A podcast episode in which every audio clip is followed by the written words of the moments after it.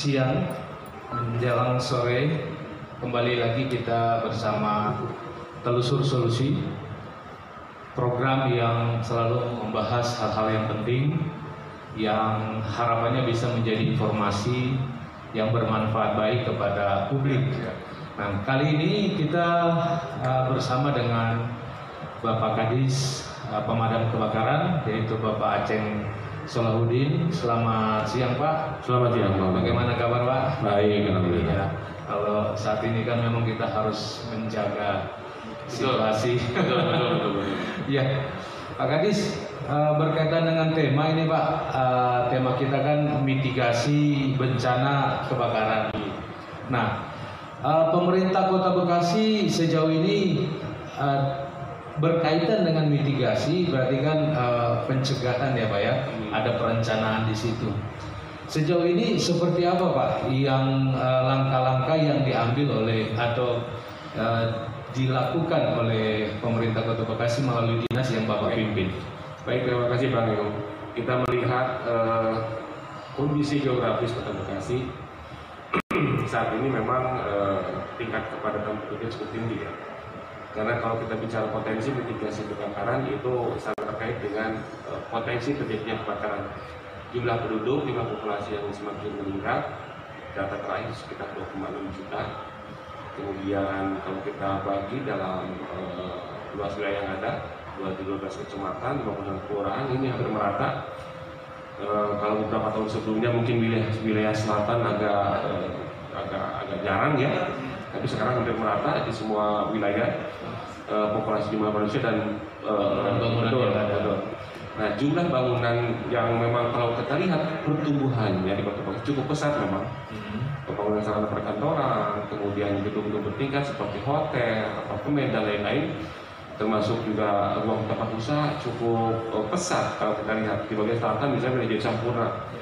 Eh, terlihat sekali bagaimana perkembangan eh, pembangunan di wilayah Ya. Nah saat ini mungkin beberapa wilayah yang sudah padat penduduk, padat pemukimannya, ini perumahannya di wilayah utara ya misalnya, kemudian di wilayah barat sebagai kecamatan Bekasi Utara, Bekasi Barat, Bekasi Selatan, Bekasi Timur, Pondok Gede itu terlihat sekali bahwa eh, eh, eh, kepadatan penduduknya cukup cukup tinggi ya. Eh, kita eh, kalau lakukan pemetaan mapping terhadap hmm, eh, pola wilayah, nah sekarang hampir di semua wilayah ternyata Oh, rata merata Betul, tidak hanya di Bantar Gebang misalnya karena ada ada apa, ada ada Industri. eh, industri pabrik dan sebagainya, tapi juga di semua wilayah ternyata merata sekarang. Gitu. Tapi Ya. yang paling menonjol di daerah mana Pak? Eh, Wilayah mana?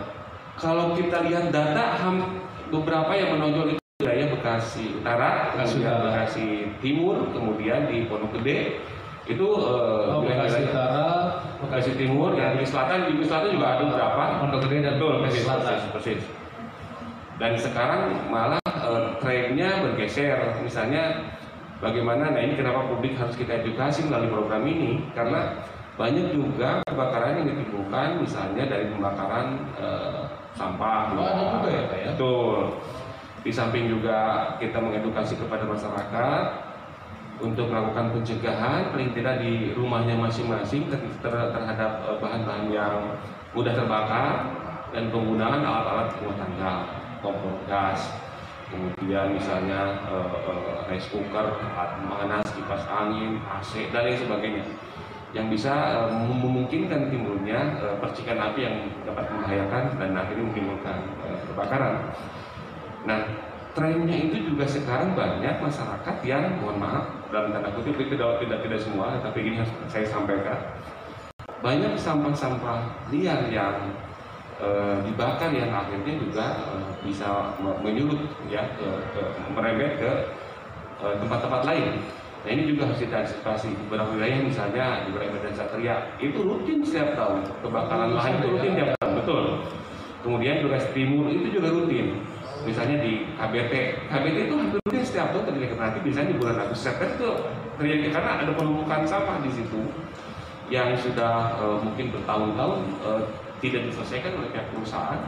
Sampahnya ditumpuk dan akhirnya kalau cuaca panas ada sering saja percikan api itu bisa menimbulkan kebakaran dan mohon maaf cukup lama biasanya. Kalaupun kita tangani dalam sehari dua hari besoknya muncul lagi muncul lagi karena sampahnya eh, ter, terpendam di bawah ini mungkin yang harus dilakukan eh, tindak lanjut oleh perusahaan tersebut misalnya dengan sampahnya dibuang eh, tentu akan akan selesai persoalannya. Karena sampahnya tidak pernah dibuang karena terpendam sudah lama jadi akhirnya hampir dipastikan setiap tahun ya muncul kebakaran kembali misalnya ya kan. Terutama juga di wilayah lain wilayah musik aja juga banyak terjadi banyak juga ya. Ya, pokoknya kalau masih banyak lahan kosong, kemudian juga mohon maaf nih, para pengusaha rongsokan itu juga harus benar-benar mewaspadai. Sekarang trennya tempat-tempat rongsok itu paling banyak terbakar. oh begitu ya Betul, mau di wilayah Bandar Gebang, wilayah Mustika Jaya dan tempat lainnya juga, bekas bar dan sebagainya. Ini kelihatannya tren, trennya meningkat. Ya, jadi eh, pasukan pemadam kebakaran sering eh, menghadapi kendala terutama karena mohon maaf yang namanya di tempat-tempat barang-barang bekas rongsokan itu kan mudah terbakar ya Betul, barang-barangnya banyak eh, yang mudah terbakar, plastik, kertas dan lain-lain. Eh, artinya dalam eh, tahun-tahun ini Pak, untuk tahun 2019, 20, bahkan 21 itu eh, ada berapa banyak eh, yang terdata Pak? Oke. Terjadi kejadian Ya. Eh, secara umum kayaknya naik ya, walaupun di bulan tertentu eh, kelihatan kalau data di grafik itu eh, ada penurunan. Kalau kita lihat dibandingkan 2019 dengan 2020 misalnya, di 2020 terjadi penurunan di semester akhir semester 1 akhir di bulan Oh, Juli. terjadi penurunan. Ya, nah eh, ini kalau saya melihat ya, karena mungkin di tengah pandemi orang banyak di rumah pada saat awal PSBB itu, jadi eh, otomatis penggunaan penggunaan alat di rumah tangga itu terkontrol oleh anggota rumah tangga, kepala keluarga dan anggota lainnya. Eh, banyak kejadian penggunaan alat elektronik misalnya yang sering menyebabkan timbulnya kebakaran, contoh saja kipas angin misalnya. Karena kita eh, eh, ya pada saat keluar rumah kipas anginnya lupa mematikan untuk waktu cukup lama di atas 6 jam begitu kembali lagi rumahnya sudah terbakar. Termasuk juga penggunaan kompor gas dan lain-lain. Kita sangat menjauh sekali agar masyarakat mewaspadai ya terhadap penggunaan alat elektronik termasuk kompor gas dan lain-lain. Ya. Kalau untuk tahun 2021 sejauh ini ada berapa banyak Pak? Ya. Tahun 2001 di akhir semester 1 atau triwulan kedua ini eh, terlaporkan baru 128 kejadian ya kurang lebih. Baik. Dan ini kan terus terus bergerak ya. Bergerak, ya. Saya sampaikan tadi di awal bahwa biasanya di puncak di puncaknya itu di bulan-bulan Juli, Agustus, September itu biasanya puncak. Eh, kalau kita melihat trennya dari tahun ke tahun 2019, 2020, 2021 itu rata-rata di bulan Juli, Agustus, September, Juli, Agustus, September. Itu pasukan pemadam bisa 5 sampai 6 kali bahkan mungkin 8 kali dalam satu hari ya selama pasukan siaga pemadam.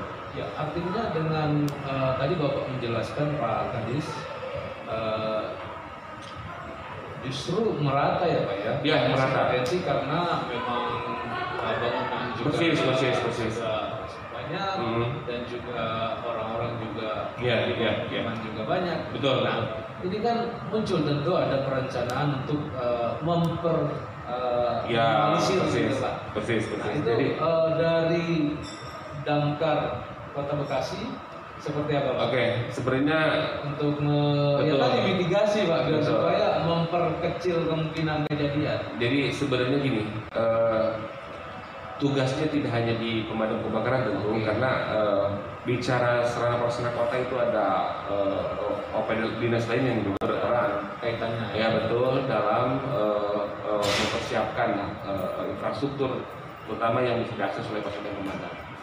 Misalnya eh, saat ini kita kesulitan eh, untuk eh, menggunakan sumber air Oh, itu pada saat betul pada saat Iya. misalnya melakukan pemadaman di lokasi kebakaran. Untuk wilayah yang berdekatan dengan Bekasi Selatan karena mungkin kita punya maaf kita punya Kalimalang sebut saja kita punya Kali Bekasi walaupun mungkin agak kotor airnya Kali Bekasi dalam kondisi tertentu masih kita gunakan gitu kan. Tapi eh, dalam kondisi normal pasukan kita ini kalau pemadamannya hanya 20 menit, 30 menit biasanya cukup dengan dua unit kendaraan yang berangkat dari Mako dan Sektor. Dan itu unitnya sudah terisi air, baik yang 3 liter maupun yang 5 liter. Tapi pada saat pasukan pemadam kebakaran menghadapi kondisi pemadaman di atas 2 jam, 3 jam misalnya, nah maka kita harus melakukan pemetaan terhadap sumber air yang ada yang berdekatan dengan lokasi kebakaran. Biasanya untuk wilayah Bantar Gebang, Pondok Gede ini kita mengalami kesulitan di samping ada persoalan lain misalnya eh, kemacetan lalu lintas dan sebagainya juga jalannya itu ag- agak sulit diakses oleh eh, mobil-mobil pemadam kebakaran.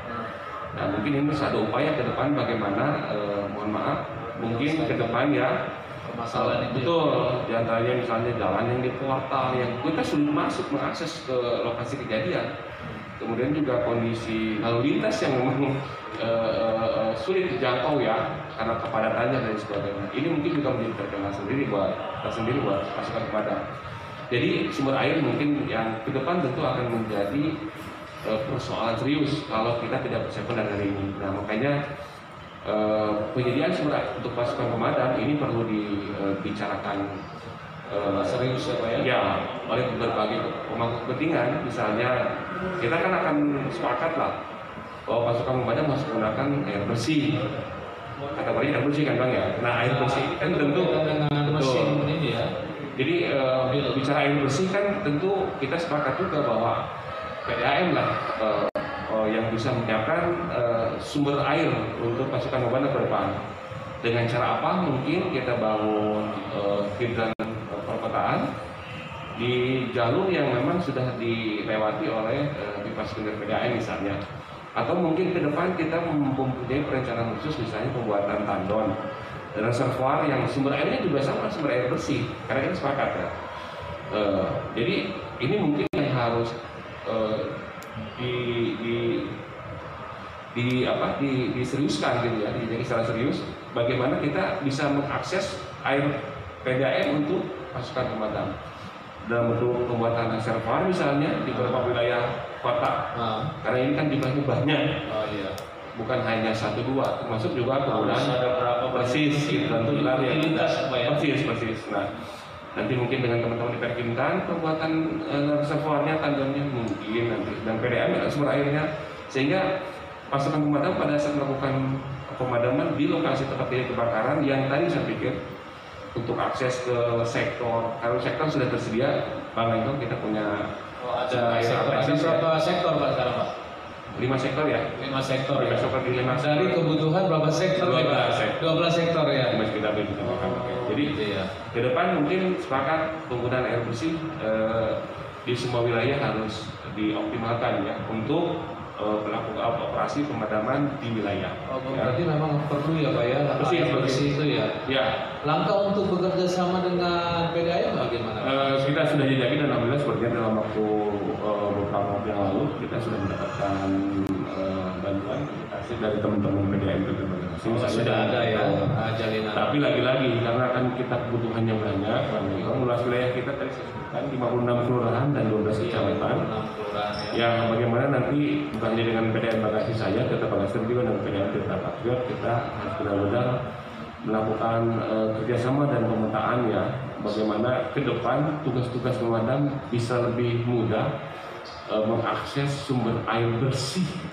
Saya berulangi sumber air bersih Sumber air bersih. harus ya. bersih Nah, karena mobil pemadam itu kan ya karena mobil pemadam itu kan eh, mobil yang eh, menggunakan pompa ya.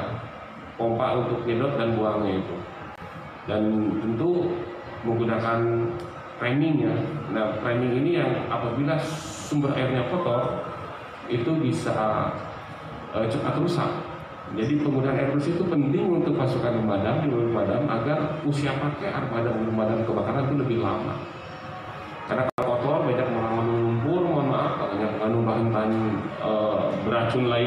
misalnya ya mohon maaf ini mempercepat usia pakainya ini cepat rusak eh, framing itu terutama di pompa Iya. karena begitu kita nyalakan eh, pompanya diberikan tekanan tertentu untuk pompa air keluar dari eh, mobil misalnya di tekanan 7 8 bar misalnya apabila airnya kotor maka akan berpengaruh terhadap penggunaan framing Oke gitu ya. ya Berkaitan dengan mitigasi Pak. Nah ini kembali ke eh, kesadaran masyarakat nih Pak. ya ya betul Kan tadi kan eh, disinggung berkaitan eh, tadi pemicu kebakaran juga ada betul. elektronik. Nah, itu kan eh, langkah sebelum eh, ini mungkin ada sosialisasi Betul, pendidikan, betul, itu betul. sudah dilakukan? Eh, kegiatan-kegiatan sosialisasi yang dilakukan baik eh, di tingkat kecamatan, di tingkat kelurahan misalnya, kita bekerja sama dengan camat ya. Oh kerjasama dengan Betul. Jadi pada wilayah. saat eh, lagi-lagi saat eh, rapat-rapat di kecamatan itu kan hanya pemangku jabatan ini misalnya. Nah, kita harus masuk di wilayah yang terimbau misalnya PRT PRW. Nah ini harus kita fasilitasi bagaimana Pak Lurah nanti ke depan bisa memfasilitasi pasukan pemadam untuk menyampaikan materi-materi pencegahan kepada kebakaran. Pencegahan. Jadi harus di tingkat komunal yang paling kecil ya, misalnya rumah tangga. Kalau di satu RT kan misalnya ada 100 kakak bisa kita berikan langsung eh, pemberian materi pencegahan kebakaran. Bahkan bisa langsung simulasi dan sebagainya. Kita bisa lakukan. Intinya bahwa target kita untuk tahun 2020, 2021 ini kan eh, pembentukan eh, eh, satuan-satuan relawan Oh, di wilayah satuan relawan. Ya, sudah atau Balakar sementara? sudah sebagai sudah berjalan, ya. Target-target yang ada di kecamatan sudah kita lakukan. Hanya tinggal bagaimana dari kecamatan ke bawah. Oke. di kelurahan kelurahan masuk ke RW RW masuk ke RT nah mungkin ini yang akan menjadi eh, eh, garapan ke depan. Karena harus kita harus melakukan pembinaan di satuan-satuan Iya. kecil bisa mohon maaf di setiap RT misalnya ada 100 kepala keluarga kita bisa bagi dalam tiga session bisa satu session 30 kakak di situ jadi memang ini perjuangan eh, apa perjalanan panjang kegiatan yang memakan waktu lama untuk membangun satuan-satuan kecil termasuk pemberian materinya tidak hanya di masyarakat tetapi juga di lingkungan perusahaan dan sebagainya ya, karena kan memang ketika terjadi kebakaran itu kan otomatis material, ya kan? Iya. Eh, kalau kita bicara kebakaran kan mohon maaf tidak mengenal waktu tidak Iya. mengenal tempat. Akan mengakibatkan kerugian. Persis, nah bagaimana pasukan pemadam itu pada saat melakukan pemadaman eh, pertama memang melakukan penyelamatan ya. Melakukan penyelamatan eh, nyawa manusianya ya keselamatan apabila terjadi sesuatu. Dan kan ini sudah ada kejadian walaupun mungkin eh, persentasenya kecil. Tapi dalam beberapa kejadian menimbulkan korban jiwa ya jiwa dan itu harus kita antisipasi Itu, itu ada kan eh, tadi mitigasi, ya ya ya pencegahan. Ya. Artinya sudah ada upaya dan langkah-langkah yang konkret dari pemerintah. ya dari aspek pencegahannya tadi ya lewat uh, melalui uh, dinas Ya. pemadam kebakaran yang menjadi representasi yang Betul. Dan sekarang situ ya. saya pikir masyarakat itu dengan sangat mudah bisa mengakses dari Bang Enong ya, karena eh, kita masuk di eh, era digital, jadi masyarakat sebenarnya bisa eh, gampang mengakses informasi-informasi yang berkaitan dengan pencegahan kebakaran. Betul. Pencegahan kebakaran, Betul. ya. Kita bisa buka di YouTube, bisa buka di channel-channel tertentu yang memang memberikan materi khusus edukasi mengenai pencegahan kebakaran. Sebenarnya hanya saja bagaimana tetap eh, apa menumbuh kembangkan kewaspadaan. Nah ini kewaspadaan terhadap warga masyarakat kita dalam hal penggunaan. Kalau di rumah penggunaan alat tadi yang saya sebutkan. Kalau di lingkungan Ya. RT-nya dan eh, komponen-komponen yang di wilayah itu betul-betul menjaga wilayahnya. Jangan sampai maaf maaf ada warga yang sengaja membakar sampah liar. Nah itu dengan sengaja bahkan. sengaja ya. Ya, kalau sudah apinya besar baru telepon pemadam. Padahal sudah tahu bahwa di situ ada sampah liar, gitu maksudnya. Nah, ini kan perlu diberikan perhatian khusus ya kepada eh, para pengurus RT, dapur dan lain sebagainya. Ya, uh, berarti sudah ada uh, apa namanya dimaksimalkan ya. Iya, iya, betul, dengan betul. mitigasi ya. Ya, Ya, Eh, berarti eh, dalam sudah dilakukan eh, langkah dan upaya itu per tahun 2021 atau sebelumnya sudah dilakukan, Pak? sebenarnya dari tahun ke tahun kita lakukan uh, ya Bandung, tapi dalam beberapa tahun terakhir ini kan eh, terjadi eh, refocusing anggaran ya. Oh, Eh, sehingga pelaksanaan pelaksanaan kegiatan yang kita bisa libatkan partisipasi masyarakat ya kita lakukan oleh partisipasi masyarakat dan karena anggaran dari pemerintah daerah tapi kan ini eh, pencegahan dan atau mitigasi penting kan? Penting betul. Artinya eh, bila pun butuh anggaran, Betul, makanya kita menggunakan forum-forum juga kan? Seperti kita menggunakan forum-forum yang diselenggarakan oleh Pak Camat dan Pak Lurah, misalnya di rapat lingkungan dan sebagainya. Itu kita punya kesempatan untuk bertatap muka langsung dengan para tokoh masyarakat, Pak RW, Pak RT, dan tokoh-tokoh masyarakat lainnya. Dalam forum itu untuk menyampaikan eh, materi-materi berkaitan dengan pencegahan kebakaran. Jadi kan eh, materi tersampaikan walaupun eh, eh, apa kita tidak menggunakan dana khusus untuk eh, eh, kegiatan tersebut, tetapi Kegiatan. Pak Camat bisa memfasilitasi Persis, sosialisasi ya? ya. Jadi yang penting Pak Camat eh, pada saat rapat mingguan kan yang menyelenggarakan kita minta waktunya dan biasanya di ruang itu kita memanfaatkan waktu itu untuk menyampaikan materi Nah, kalau berkaitan dengan utilitas atau kelengkapan itu gimana Pak? Nah. Penganggaran Betul, persis, persis. Eh, dalam beberapa tahun terakhir ya, kita dalam tahun kemarin misalnya tahun 2020 kita mengalami eh, eh, apa rasionalisasi penganggaran karena tengah pandemi. Tahun ini pun berita besar. Jadi eh, kita melakukan refocusing dan melakukan eh, kembali eh, kegiatan-kegiatan mana saja sih yang eh, urgent dan harus dilaksanakan karena menyangkut paling dasar prioritas ini apa ya? Betul. Jadi masing-masing OPD termasuk yang sebagai kebakaran melakukan eh, prioritas kembali lah, menyusun prioritas yang sebenarnya yang nggak bisa ditunda di tengah pandemi yang mana sih? Gitu. yang bisa kita Padahal tunda. eh, pencegahan atau mitigasi bencana kebakaran itu Yes, penting ya yes, Pak ya. Jadi kita lihat misalnya, oh ternyata untuk pengadaan sarana prasarana tertentu yang berkaitan dengan tugas-tugas pemadam kebakaran nggak bisa ditunda, dan kita sampaikan gitu bahwa ini sifatnya darurat kalau nggak ada ini pemadam nggak bisa bekerja. Jadi ada Persis. Jadi, penyampaian. ya ini kan eh, melakukan penyesuaian dengan eh, anggaran yang tersedia. Tapi ke depan semoga pandemi ini bisa Nah itu dia amin. Amin. Mudah-mudahan ya. Karena Karena kendalanya serius. baik ya. kesehatan maupun ekonomi ya, Ya persis. persis. eh, harapannya akan ya lebih baik. Lebih baik lagi. Nah, Baik, eh, mungkin ada lagi yang mau disampaikan Pak? Tapi kan cukup ya, Bang Eko. Jadi mungkin di sisi terus selanjutnya lah. baik. Tapi kalau kita bicara mengenai eh, mitigasi bencana kebakaran, ini kan menurut saya persoalan yang komprehensif ya. Jadi saya sampaikan tadi dari utilitas sarana prasarana, kemudian aksesibilitas yang harus dibangun oleh eh, pemerintah daerah sehingga memudahkan pasukan pemadam eh, dalam melakukan tugas-tugas pemadaman, penyelamatan dan sebagainya. Ini sebenarnya sepertinya banyak pekerjaan rumah. Ke depan lagi, Banyak saya ya, eh, pekerjaan rumah yang harus di ke depan mungkin akan lebih berat lagi kelihatannya ya seiring dengan perkembangan waktu eh, bagaimana pasukan pemadam harus eh, ditingkatkan kemampuannya dengan menggunakan alat-alat tertentu misalnya sekali mobil tangga dan sebagainya Iya, ini itu kan ya. ini itu, kan pen- itu penting nggak Pak?